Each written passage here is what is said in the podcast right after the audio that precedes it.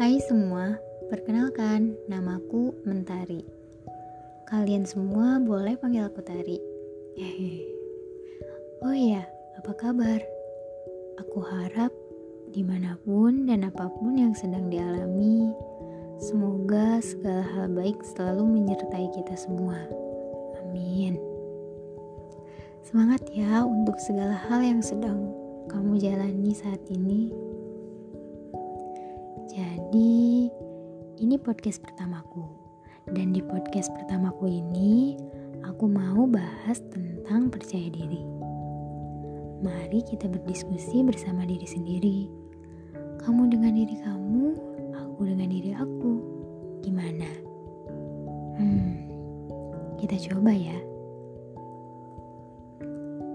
Percaya diri itu apa ya? Percaya diri itu tergantung pada diri sendiri.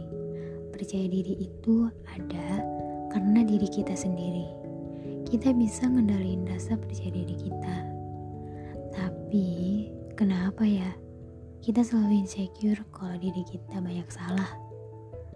Justru ketika kita melakukan kesalahan lalu kita ditegur, kita bukan hanya tahu kita salah, melainkan kita juga paham salah kita di mana, dari sini kita belajar mana yang lebih baik untuk dilakukan ke depannya.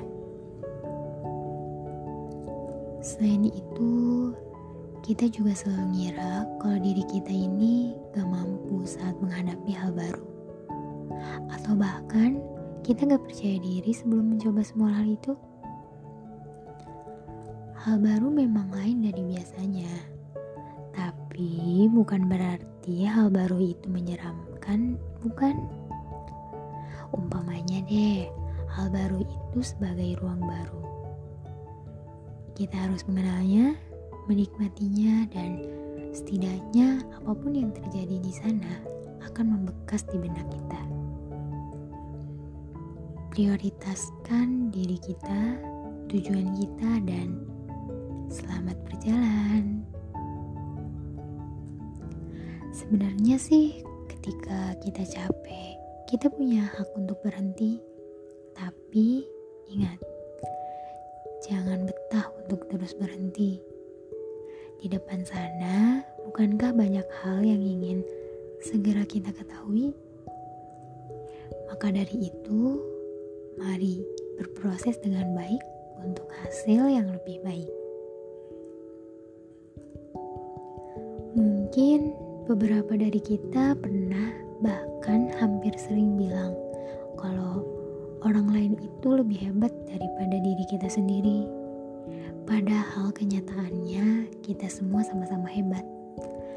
Adanya kita sekarang ini setidaknya karena kita telah melewati begitu banyak proses, rintangan, dan rasa menyerah.